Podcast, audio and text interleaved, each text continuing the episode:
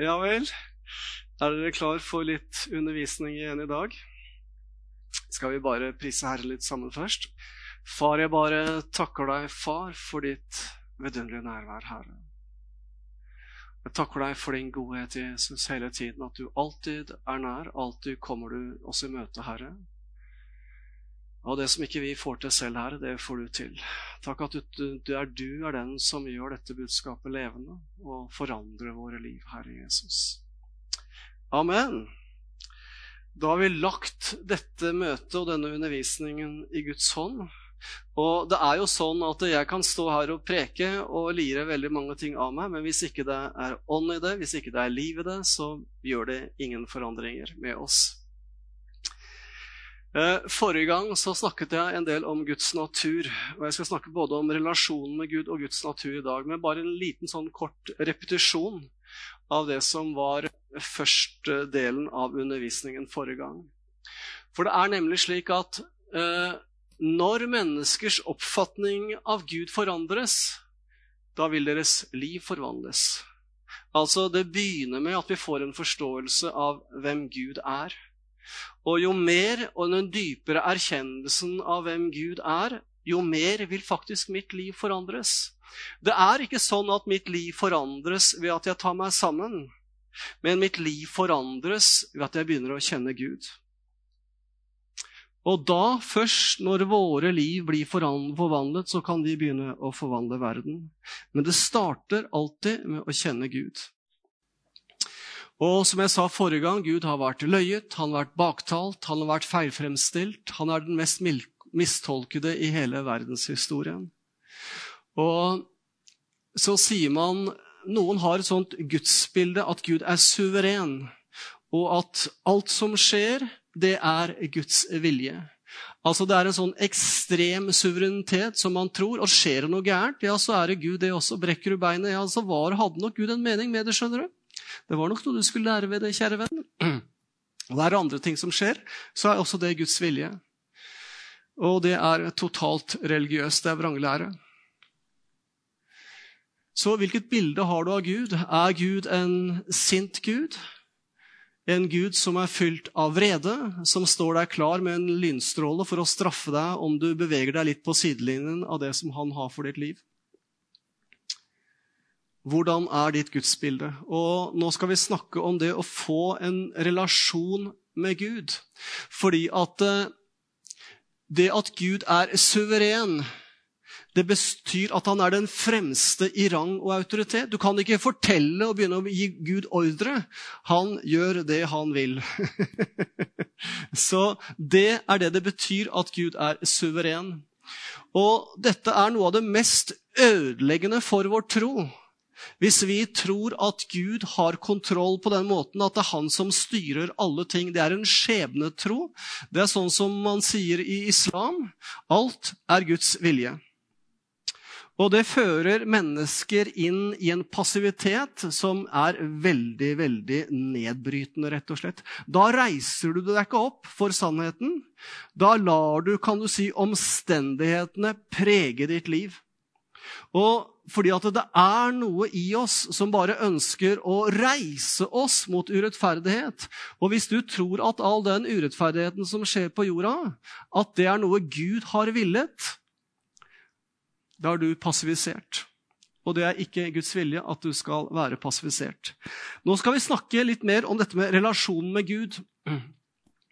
Og din relasjon med Gud er avhengig av at du kjenner ham, at du har kunnskap om Gud. Jo mindre kunnskap du har om Gud, jo dårligere vil din relasjon med Gud være. Og det står i Hosea 4,6 at mitt folk går til grunne, for det mangler kunnskap. Og den kunnskapen den går på en del forskjellige felter, men en stor del av den kunnskapen er å ha en sann og rett kunnskap om hvem Gud egentlig er. Så vi skal se litt på syndefallet. Her er det mange ting, og jeg har snakket om det fra forskjellige synsvinkler. Nå skal vi se på det fra en litt annen synsvinkel. Fordi at uh, i syndefallet, hva var det egentlig som skjedde? Altså, Slangen kommer til kvinnen og sier, Har Gud virkelig sagt du ikke skal ete av noe tre i hagen? Det som Satan her gjør, han sår tvil om Guds natur. Har Gud virkelig sagt? Og det som da skjer, er at kvinnen blir forført, hun blir bedratt. Hvorfor? Fordi at det er noe med Evas kunnskap om Gud som ikke er på plass. Fordi at eh, slangen spør Eva ja, hva, hva, er det Gud egentlig har sagt. Og så sier Eva nei, han har sagt at eh, vi ikke skal ete av den og ikke røre den. Ikke sant? Det er det som står i Første Mosebok kapittel 3, 3. Og da vet djevelen med en gang at hun har ikke på en måte fått med seg det som egentlig Gud hadde sagt. Hun har lagt noe inn i tillegg til det som Gud hadde sagt. Så det som er med Eva her, er det at hun legger noe til det Gud har talt. Og da vet slangen at Eva ikke har full kunnskap. Hun avslører seg med en eneste gang at hun har ikke på en måte fått med seg hva egentlig Gud har sagt. Hun legger noe til, og legger du noe til, eller du kan trekke noe fra. For Gud hadde bare sagt at du ikke skal ete av den, ikke også røre den. Og så kan man tenke hvor mye tid hadde egentlig Adam og Eva hatt fra det øyeblikk Gud skapte dem, til de falt? Hadde de gått i hagen i 10-15 år etter vår tidsregning? Eller hvor lang tid hadde de vært sammen med Gud før de falt? Det er i hvert fall én ting som er helt sikkert. Eva hadde ikke full kjennskap til Gud. De hadde ikke lært Gud ordentlig å kjenne. For Gud hadde sagt at dere kan spise av alt i hagen. Hva som helst kan dere spise av. Bare én ting dere ikke skal spise av kunnskapens tre. Og hvis Eva hadde lært å kjenne Gud, så hadde hun visst at Gud ikke ville holde noe tilbake for henne, men at Gud bare ønsket å øse alle velsignelser og all overfloden over hennes liv. Og fordi at hun ikke hadde lært Gud å kjenne, så ble hun bedratt. Hadde hun visst fullt ut hvem Gud, vært, eh, hvem Gud er, så hadde hun ikke latt seg bedra. Og det som egentlig djevelen sier i syndefallet, er at eh, Du skjønner det, Eva. Du har ikke fått med deg alt, du skjønner det. Du skjønner det at eh, Gud er egentlig ikke helt god, skjønner du. Han skjuler noe for deg. Det er noe som er enda bedre, som han vil holde tilbake for deg. Så så, så lenge som du er der du er nå, så vil du ikke bli helt lykkelig. Så jeg har et, et, et, lite forslag til deg. Hvis du spiser av denne frukten, så vil du oppnå alt det som Gud forsøker å holde tilbake for deg. Hadde hun kjent Gud, og hadde hun på en måte vært så nær Gud gjennom en tid og lært Gud å kjenne, så hadde hun ikke latt seg bedra. Og faktisk så er det akkurat akkurat på den måten djevelen arbeider i dag. Det er fordi vi ikke kjenner Gud. Fordi ikke vi kjenner Gud, at vi lar oss bedra. Fordi vi ikke kjenner Han. Altså, i syndefallet så kom det frykt inn. Og det var noe som skjedde med Adam, denne, natt, denne her forandringen i deres indre. Vi skal se litt mer på det. For det står at da de etter syndefallet så hørte de lyden av Herren Gud som gikk omkring i hagen på den svale tiden av dagen. Og Adam og hans kone gjemte seg for Herrens ansikt mellom trærne i hagen. Det hadde kommet noe inn, en frykt, ikke sant? Så slangen bedro Eva fordi hun ikke kjente Gud. Og sånn virker han i dag også. Det er når ikke vi kjenner Gud, Gud, Hans ord, og kjenner Guds natur, at det kommer tvil inn i våre liv. At vi lar oss forføre, at vi lar oss bedra. Og hun lot seg bedra. Og hun spiste av dette kunnskapens tre. Og så gjemmer de seg. Det er en frykt som har kommet inn i deres indre for Gud. Han som var deres far. Men det har kommet en frykt inn. Og når Gud sier 'Hvor er du, Adam?', så er det ikke fordi han ikke vet hvor de er hen. Men det er et farshjerte som roper ut til sitt barn, for han kjenner at forbindelsen er brutt. Der ligger det. Han kjente jo at denne enheten som de hadde før syndefallet, den var ikke der lenger. Det var kommet noe inn som skilte de. Ja vel.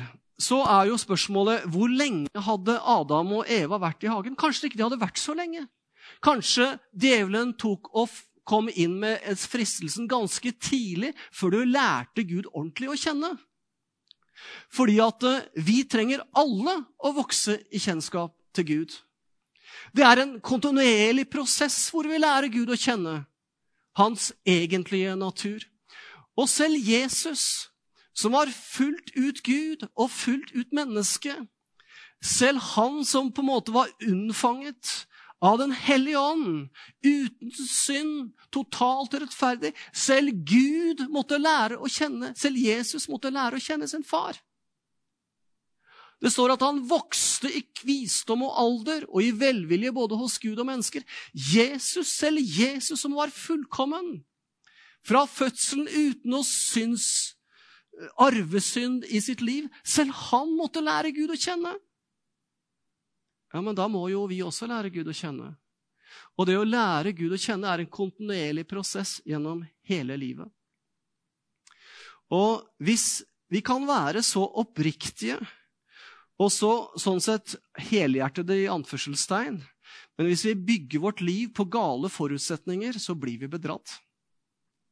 Du kan være så oppriktig og ærlig og så på en måte virkelig ønske at Guds rike skal vokse og så har du ikke et riktig fundament. Altså Dette her sånn med, med, med gudsbildet, å ha en sann forståelse av Gud, det er helt essensielt. Det er helt grunnleggende. Og hvis ikke vi har en kunnskap om hvem Gud egentlig er, da fører det oss inn i religiøse ritualer. Altså da, Vi vet jo ikke helt hvordan Gud er, og vi har en del tanker om hvordan han er. Det kommer frykt inn i våre liv. Ja, så tenker vi at nei, Gud vil nok at jeg skal opptre på en spesiell måte. Kanskje han vil at jeg skal be på en spesiell måte. Kanskje han vil at jeg skal kle meg på en spesiell måte. Kanskje at jeg ikke må ha for langt hår, og for all del så må jeg ikke ha slips. For det peker jo ned mot helvete. Og så kommer det inn masse religiøse ritualer hvor man, tror, hvor man er redd for å på en måte støte Gud. Og all religion har sitt utspring i at man ikke kjenner Gud. Og dette kom inn ved syndefallet fordi at den dype relasjonen som var mellom Gud og mennesker, ble brutt. Og da kom erstatningen inn, som er religion. Og også, vi må bare være klar over det, i kristen sammenheng så er det så mye religiøsitet, så mye loviskhet. Det er overtro, og det er frykt. Ja, Det som skjedde meg i dag, det var kanskje fordi at jeg, var litt, jeg, jeg sa noe i dag som kanskje var litt dumt. Så kanskje det er straff fra himmelen. Ja, det, kanskje det er det. Skjønner dere? Ikke sant? Vi kommer veldig fort inn i de tankebanene at vi tror at Gud straffer oss. Og da er det viktig at vi skiller mellom kommunikasjon og relasjon. Ja, hva er kommunikasjon, da? Kommunikasjon, Jeg prater med dere, jeg kommuniserer med dere, men det er ikke en gjensidig kommunikasjon. Men hvis vi sitter og samtaler, så er det en gjensidig kommunikasjon. Men en relasjon, det er noe helt annet. Og etter syndefallet så hadde Gud fortsatt kommunikasjon med Adam og Eva. Men den relasjonen var brutt. For en relasjon er basert på at du kjenner en person. Han kjenner jeg ikke. Dere kjenner han ikke, dere heller. Så, men hun her sånn, hun kjenner jeg. og forhåpentligvis så har jeg en god og sterk relasjon med den dama der sånn. Men det er helt avhengig at man kjenner den personen. Jo mer du kjenner personen, jo bedre relasjon vil du få. Ikke sant? Det er jo sånn. Og, og, hvis du på en måte ikke kjenner en person og blir usikker på personen, da ønsker du ikke å ha den nære relasjonen. Men hvis du kjenner en person veldig godt, og du har opplevd at han på en måte plutselig så forandrer han ting og går til angrep på deg og sier dumme ting mot deg og sårer deg, da trekker du deg litt tilbake. Og hvis vi har det bildet av Gud, så gjør det også at vi trekker oss tilbake. Ikke sant? Og så står det altså en sann kunnskap om Gud. Altså, det gir en god relasjon med Gud. Og vet du hva? Hvis vi har en god relasjon med Gud, så driver det frykt ut. For det står nemlig at siden barna har del i kjøtt altså Bare her sånn så snakkes Når du har et barn, så har du også en far. Og det som på en måte ble brutt i syndefallet, det var denne far-barn-relasjonen. Men når Jesus kom, så brøt han dødens makt. Og så står det for å befri dem som har frykt for døden, hadde vært under trelldom. Altså frykt fører oss inn i slaveri, inn i trelldom. Tenk på det å leve sitt liv og være bekymret for det ene og det andre. Det fører deg inn i trelldom. Hvis du går rundt og er bekymra for ting og er fryktsom for mange ting, så lever du i trelldom. Så står det at den fullkomne kjærligheten driver frykten ut. For frykten regner med straff. Da regner du med det at om du gjør noe gærent, så blir du straffa. Og så har man det gudsbildet at Gud står der klar med en lynstråle, så bare pass deg! Hvis ikke du skjerper deg, så får du en lynstråle midt i fleisen. Altså, frykten regner med straff. Men hvis du frykter, så har du ikke fått en full, fullverdig åpenbaring om Guds kjærlighet. Vi vet det. Jeg vet det at en dag, jeg, en dag så tar livet mitt slutt. Men jeg vet at det er bare en overgang inn i herligheten sammen med Jesus. Og det skulle gjøre. Og jeg vet at Gud tar seg av alle ting i mitt liv. Totalt. Han har en total omsorg for hele mitt liv. Og det burde, sånn rent teoretisk, gjøre at jeg ikke går rundt og bekymrer meg. Så hvis jeg går rundt og bekymrer meg, så bunner det egentlig i det at jeg ikke har en full tillit til Gud. At han tar seg av mine behov. Ikke sant? Bekymring er rotfestet i frykten for at Gud ikke sørger for deg. Men når du vet at Gud er kjærlighet, så driver det den frykten ut. Og så står det Husk at dere på den tiden var utenfor Kristus, utestengt. Dere var uten Gud i verden. Sånn var det før vi ble frelst. Vi var uten Gud. Og så står det Men i Kristus Jesus er nå dere som var før langt borte, for alle mennesker var langt borte fra Gud. Men i Jesus Kristus er vi kommet nær ved. Nå er det en relasjon som er gjenopprettet. En nær og dyp relasjon til Gud Fader. Og dette er jo den saken fordi at Gud er vår far. Vi er hans sønner og døtre. Nå er far-barn-relasjonen gjenopprettet. Og jeg tenker at selv om jeg er nå begynner å nærme meg 67 år, det er ikke så innmari lenge til, så er jeg fortsatt på mange måter som et barn, og jeg trenger en sterk far. Ja, men du har jo levd så lenge. Nei, det er noe i menneskets natur som gjør Det er noe som er lagt ned i oss, at vi trenger denne relasjonen til en far. Og Gud er en far som tar omsorg for alle våre behov. Og det er sånn at Når en liten gutt vokser opp, og han går og leier pappa, så er det jo pappa som er det store idealet. Og Det er så morsomt å se sånne små pjokker og sånne små døtre som gjerne vil bli lik foreldrene sine. Når pappa gjør det, så gjør den vesle gutten det samme. Og når mamma gjør det, så gjør den vesle drattalderen det samme. De etterligner sine foreldre. Og hva er da mer naturlig når vi blir frelst og vi blir, blir, vi blir Guds barn? Det er at vi ønsker å være som Gud. Han er jo far, ikke sant? Det er det mest naturlige for en nyfrelst person. Det er å prøve å bli som pappa. Og Gud er vår far. Og han holder oss så nært. Vi er som et barn. Altså, dette er jo et sånt, litt sånn romantisk bilde, for å si det sånn. Men det er det som er realiteten, faktisk. Gud holder vår hånd. Og han holder det med en kraftfull hånd. Og han slipper den ikke. Og alt sammen er basert på forsoningsverket. Alt sammen. Så kristendom, det å bli frelst, handler først og fremst å få en gjenopprettet relasjon med Gud. Det er det kristendommen handler om. Det er å få relasjonen på nytt. Nå skal vi se også litt på Guds natur. Fordi at, Hvordan er egentlig Gud? Er han en vred Gud som står der klar til å straffe deg? Eller hvordan er Gud? Og er det Jesus som er snill? Men Faderen, altså Gud, han er litt slem, da. For han, du, hvis du leser i Gamle Testamentet, så drepte han jo folk med ild. vet Han brante jo opp. Det var det ene og det andre. Og Israels folk fikk jo beskjed om å bare slakte alle sine fiender og drepe både kvinner og barn. Og alle dyra også. Nei, så Gud, han er slem, men Jesus er snill. Det er sånt bilde som veldig mange mennesker har. Men hvordan er det egentlig? Vi må vite at Guds natur er kjærlighet. Guds natur er kjærlighet. Og det står i 1. Johannes evangelium, kapittel 3 og vers 16.: For så høyt har Gud elsket verden. Altså, Gud er kjærlighet, og Gud har alltid vært kjærlighet. Og fordi at Gud elsket alle mennesker like høyt, uansett hvem det er, så sendte han sin sønn. Altså, Problemet er ikke at Gud ikke elsker deg.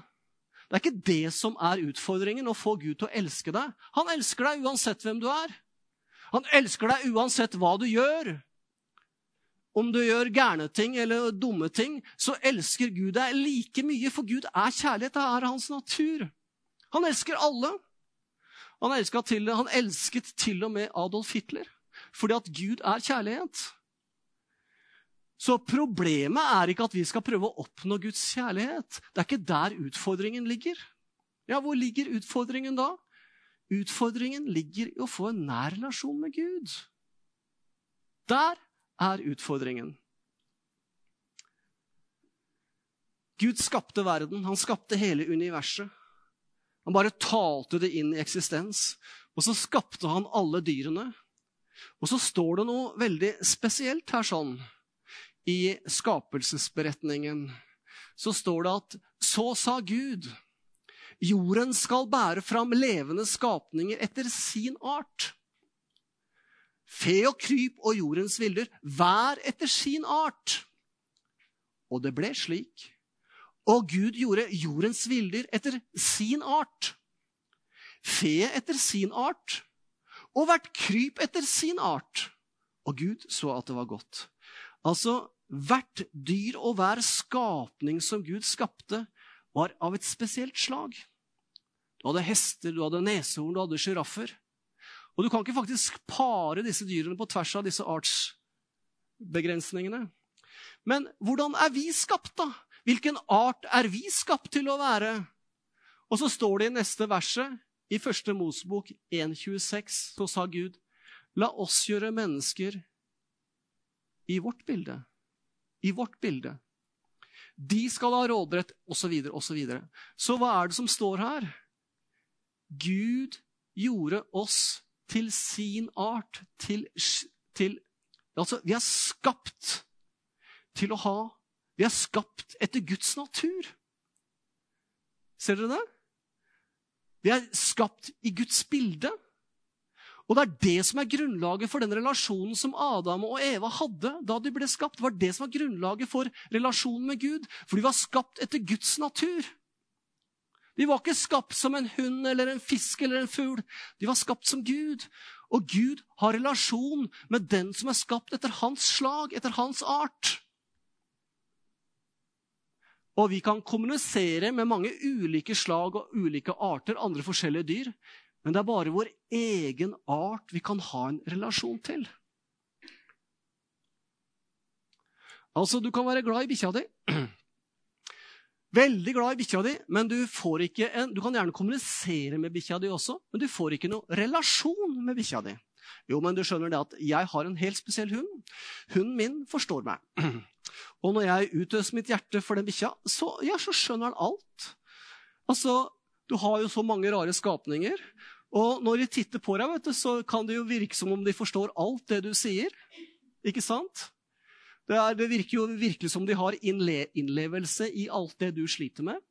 Men jeg skal fortelle deg en hemmelighet. De skjønner ikke noe av det du prater om. Ingenting. Du kan tro at de forstår det når du utøser ditt hjerte for dem. At de forstår deg til og med bedre enn kona di. Vi hadde en cellegruppe, og så, det, så sier jeg til han ene at du skjønner, den katta di sier jeg, den, den, kan ikke du ha så god relasjon med som kona mi, sier jeg til han. Jo, katta mi, sa han. Han sa det litt for fleip, da. Jeg har til og med bedre kommunikasjon, bedre relasjon med, med kona mi, sa han. Men han sa det for fleip, da. Men hør nå. Du kan ikke ha en dyp relasjon med en annen art. For skjønner, de, de skjønner ikke hva du tenker. De skjønner ikke din natur. De har ikke peiling. Og du kan tro så mye du vil at dette funker på den måten, men da beklager, men det er ikke sant. Altså, du kan ikke ha en dyp kommunikasjon og en relasjon med ei bikkje. Beklager, men det er realiteter. Og så kan du spørre, men hvordan oppdrar du en hund? Altså Som er av et helt annet slag, en helt annen art enn du selv. Hvordan kan du på en måte disiplinere en hund? Og det var en kvinne som eh, var litt i vinden her og i nyhetene fordi at eh, hun oppdrar hundene sine med elektrosjokk. Bare et lite sjokk. Bare sånn at de føler litt ubehag, men det er veldig effektivt. Og på den måten så klarer hun å disiplinere bikkja si meget bra. Og det koster ikke så veldig mange anstrengelser. Altså, du oppdrar ei bikkje, en hund, etter prinsippene om belønning og straff. Du klarer ikke å forklare bikkja di og komme en lang utredning, en teoretisk utredning for å forklare den hva den ikke skal gjøre. Du må rett og slett bare gjøre det veldig enkelt. Belønning og straff. Gjør du det, så er det straff. Og gjør du det, så er det belønning. Sånn oppdrar du bikkja di. Da Adam syndet, fikk han en helt annen natur. Han hadde ikke lenger Guds natur på innsiden. Og det gjorde at Gud måtte forholde seg til Adam og hele menneskeslekten på en helt ny måte. Altså, hvordan skulle han nå forholde seg til mennesket som ikke hadde en åndelig forbindelse med han? Som hadde blitt av et helt annet slag, av en helt annen art? Belønning og straff velsignelse og forbannelse. Det er som å oppdra ei bikkje, for å si det sånn. Og det var det Gud gjorde med jødene når loven ble gitt. Det var for å holde en del ting i sjakk. Gud ikke, har ikke forandret seg gjennom alle disse årene, men menneskets natur ble forandret under syndefallet. Ikke sant? Det var mennesket som ble forandret. Og så, som jeg sa i stad, det er ikke å oppnå Guds kjærlighet som er målet for deg. For du er elsket uansett hva du gjør. Uansett hva du finner på, så forandrer ikke Guds kjærlighet seg til deg. Du er elsket uansett. Målet er å få en dyp relasjon. At du hører Guds røst. Så hvordan skulle da Gud få en relasjon til mennesket som hadde fått en fallen natur? Vi måtte få en helt ny natur på innsiden. Vi måtte bli født på ny. Det er derfor han måtte føde oss på ny. For nå har vi fått Guds natur på innsiden, og nå kan vi plutselig ha den dype relasjonen som forsvant i syndefallet. Ser dere det? Den relasjonen er det nå mulig å få tilbake. Altså, Guds natur har vært uforandret gjennom hele historiens løp. Men menneskets natur ble forandret etter syndefallet, som gjorde at den relasjonen, den dype relasjonen forsvant. Det var fortsatt en kommunikasjon, men den dype relasjonen forsvant. Gud talte og snakket fortsatt til Adam og Eva etter syndefallet, men den dype relasjonen, den forsvant. Og da er det slik at eh, mens vi ennå var skrøpelige, så døde Kristus for oss mens vi var ugudelige, mens vi ennå var syndere. Altså, vi var skrøpelige, vi var urettferdige, vi var ugudelige, vi var syndere hele denne smølja. Og da, fordi at Gud er kjærlighet, og hans kjærlighet han har vært kjærlighet i alle disse årene, så sender han Jesus Kristus til oss. Så er det sånn at Gud er uforanderlig. Det står hos ham er det ingen forandring eller skiftende skygge. Og Jesus Kristus er i går og i dag den samme, ja, til evig tid. Gud har ikke forandret seg. Og Det står at Gud er lys, og i ham finnes det ikke mørke. Vi kan få en del tanker om Gud, hvordan han er, men hør, det er ikke noe mørke i Gud. Det er ikke noe som er ukjent i Gud. Det burde ikke være det, for Gud er lys. Han er lys. Gud er lys. Han er kjærlighet. Og så er jo spørsmålet men hvordan kan jeg få et rett bilde av Gud? da? Fordi at, ja, Én ting er Jesus, men, men, se hvordan Gud handlet i Gamle Testamentet. Jo, men det var fordi at mennesket hadde fått en fallen natur. Og han måtte forholde seg til mennesket ettersom det var. Men for 2000 år siden så kom Jesus. Og gjennom gjenfødelsens mirakel så får vi en natur som er lik Guds natur. Det er jo helt fantastisk. Er det ikke det? Og da kan vi få den dype relasjonen med han, med denne mannen. Og Jesus sier, 'Den som har sett meg, har sett Faderen'. Så hvis du lurer på hvordan Jesus er, du, nei, Gud er, så må du bare se på Jesus. Og sånn som Jesus er, har Faderen vært gjennom hele historiens løp. Gud har ikke forandret seg. Ikke i det hele tatt. Så det aller viktigste i ditt kristne liv Altså, Vi må komme til sannhets erkjennelse, og det er det at 'jeg er elsket uansett'. Og så skal du bare Én ting som burde vært en passion i våre liv, og det er det å bare lære å kjenne Gud enda mer. Fordi at jo mer vi lærer oss å kjenne Gud, jo større frihet får vi i livet vårt. Og han er en god Gud. Han fordømmer deg ikke. Og så vil jeg bare ta en sånn gjennomgang på The Chosen. Altså Her er Jesus i en synagoge, og så er det en mann som har en vissen hånd. Og når de skjønner at noe er på gang, så sier de det er ulovlig å helbrede på sabbaten. Og så sier Jesus ja, men altså, når en sau faller i en grøft på en sabbat, så drar dere den opp. Og hvor mye mer er ikke en menneske verdt enn en sau? Og så helbreder han hånden hans. Og de blir jo rasende, vet du. Sånn er religion. De kjenner ikke Gud, de er ikke født på ny. Og så går de ut etter den, og så begynner de å spise av dette kornet på åkeren. Og så klager de på det også. Det er ikke lov å spise på sabbat, eller høste på sabbaten. Og så kommer Jesus med denne her korreksjonen. Sabbaten ble til for mennesket, ikke mennesket for sabbaten. Og så kan du spørre deg selv hva betyr det for deg at du ikke lenger er under loven? Hva betyr det for deg? Jeg spurte litt i cellegruppa når vi hadde nå på mandagen. Og jeg spurte litt i, i pastorsamlingen vi hadde på, onsdag, på tirsdagen også. Hva betyr det for deg at du ikke lenger er under loven? Hvilken betydning får det for deg? Og hva betyr loven for deg egentlig? Vet du hva det betyr, og noen av de svarene jeg fikk? Hva betyr det for meg at ikke jeg er lenger under loven? Ingen fordømmelse. Amen. Gud elsker meg uansett. Jeg vet at jeg er elsket, uansett hva jeg gjør. Og så betyr det at jeg ikke skal ta meg sammen for å få det til, men at jeg skal ta imot fra Gud.